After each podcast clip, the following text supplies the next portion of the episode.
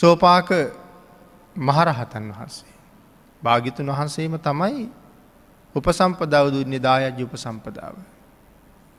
ඒවාගේ උපසම්පදාවල් ලැබිච්ච සාමනේරයන් වහන්සේලා දෙන්නෙක් අපේ ශාසනය සඳහන් කරනවා. එක්කෙනෙක් සුමන සාමනේර. ඒ කියන්නේ අනුරුද්ධ මහරහතන් වහන්සේගේ ශිෂ්‍යරත්නය. මේ සුමන සාමනේර කෙල කියන්නේ මිහිදු මහරහතන් වහන්සේත් එක වැඩිය සාමනේරයන් වහන්ස ගැන නෙමේ. අනුරුද්ධ මහරහතන් වහන්සේගේ ශිෂ්‍ය වූ සාමනේරයන් වහන්සේ. අනිත් එක්කෙන සෝපාක රහතන් වහන්සේ. භාග්‍යතුන් වහන්සේගේම උපසම්පදාව ලැබුවේ හත් අවුරුදු වයසමයි. සෝපාක පොඩි හාමුදුරුවන්ගෙන් අපේ බුදුරජාණන් වහන්සේ ප්‍රශ්න දහයක් ඇහුවා. ඒ ප්‍රශ්න දහයට උන්වහස පිළිතුරු සැපව්වා. ඒ පිළිතුරු සපේලා ඉවර වෙනකොට භාගිතුන් වහන්සේ උන්වහන්සේගේ උපසම්පදාවත් එයම කියලා දේශනා කොට වදාලා. හැබැයි අදනං කොයි තරං ඉගෙන ගත්ත කෙනෙක්ගෙන් ඇහුවත් ඒ ප්‍රශ්නවලට පහසු වෙන්නම් උත්තර දෙන්න උත්තර දෙන්න බෑ. බුදුරජාණන් වහන්සේ ඇහුවේ පුතේ එකක් නම් මොකක්ද කියලා. ඒක නාමකින්.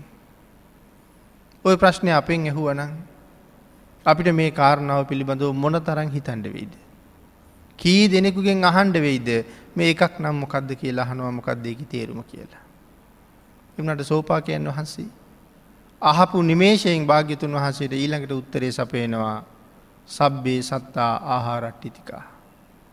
මේ ලෝකෙ තියෙන පළවෙනිදේ සියලුම සත්වයන්ට ආහාර අවශ්‍යයි. ඒක නාමකින් එලහපු හම සබ්බේ සත්තා ආහාරට්ටිතිකා. දවේනාමකින් දෙකක් නම් මොකක්ද. නාමංච රූපංච.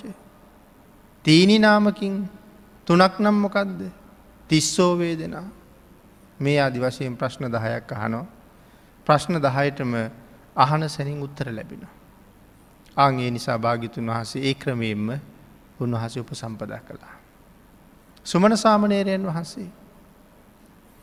උන්වහන්සේත් බොහෝම පුංචි තාම අවුරුදු හතයි වයස. අනුරුද්ධ මහරහතන් වහන්සේත් එක්ක බුදුරජාණන් වහන්සේ වැදගණ්ඩ එන වෙලාවේ එදා භාගිතුන් වහස වැඩ හිටියේ.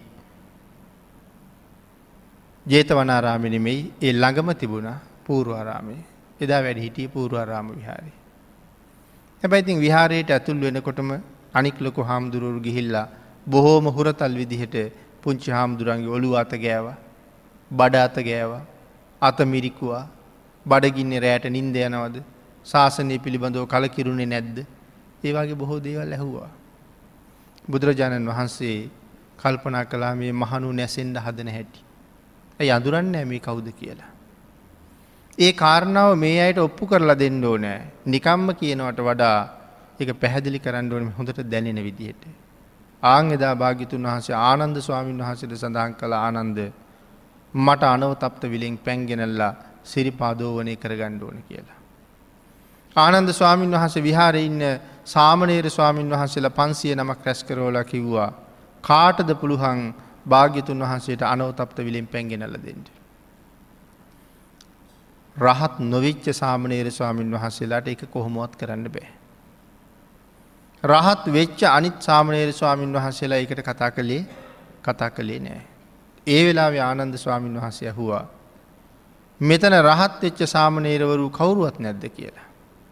ඒ වෙලාව සඳහන් කළා ඉන්නවා ස්වාමීණි. එහෙනම් ඇයි මේ ආරාධනාව භාරගන්නේ නැත්තේ. භාගිතුන් වහසගේ ඉල්ලීම ක්‍රියාත්මක කරන්න ඇත්තේ. ඒ රහත් වෙච්ච සාමනේර ස්වාමීන් වහන්සේල සඳහන් කළා ස්වාමීණි ආනන්දයන් වහන්සේ භාගිතුන් වහන්සේ ඔය ලෑස්ති වෙන්නේ අපි ලව්ව පැන්ගෙන්න්නට නෙමෙයි සුමන සාමනේරයන් ලව්ව පැන්ගෙන්න්නටයි. දෙහින්ද උන්වහන්සේගේ අවස්ථාව උන්වහසටම තිබුණාව. සුමන සාමනේරයන් වහන්සේ වෙලාවේ භාගිතුන් වහන්සේගේ ඉල්ලීම භාරාරගෙන සඳහන් කරනවා කලගෙඩි හැටක පමණ ජලය අල්ලන විශාල කලයක්. විශාකා මහුපාසිකාව පූජා කරලා තින තනිකර ගණරත්තරන් ඔබ්බෝල පූජා කරපු කලගෙඩි. ආංගේ කලේ අරගෙන කටින් එල්ලගෙන අනෝතප්ත විලගාවට ගිහිල්ලා පැන් අර්ගෙන එන්ඩ ලාස්ති වෙනකොට එතන ඉන්න පන්තක නාගරාජයා ස්වාමීණී. මංවාගේ සේවකයෙක් මෙතන ඉන්නකොට ඔබහන්සේ ඇයි පැන්ගෙනියන්ඩාවේ. පැන් කලේ මට දෙන්න කියලා අරගෙන කරේතියා ගණඩ ලෑස්ති වෙනකොට නෑ නාගරාජය භාගිතුන් වහස බලාපොරොත්තුවෙන මං පැන් අරඟයි කියලා. මටම දෙන්න කියලා කලේ ඔසවාගෙන අහසිම්ම වඩිනකොට බුදුරජාණන් වහස පෙන්නලා සඳහන් කරනවා හංස පැටවිකු වගේ. සාමනේරයන් පැන් අරගෙන හැටි බලන්ට කියලා. ළඟට ඇවිල්ලා පැන් කලේ බිම තියලා බුදුරජාණන් වහසට වැඳල ඉල්ලීමක් කලා ස්වාමීනී මේ අනෝතප්ත විලි පැන් මේ පැනිින් සිරිපාදෝවනය කරගණ්ඩ කියලා.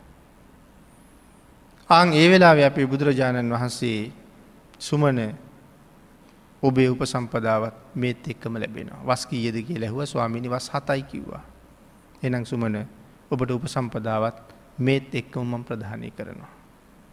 එනම් මේ භාගිතුන් වහන්සේගෙන් ශ්‍රේෂ්ඨ උපසම්පදාව ලබාපු අය. වයසවුරුදු හත වනාට මේ ශාසනයේ පුදුම බල පරාක්‍රමයක් තිබුණායේ.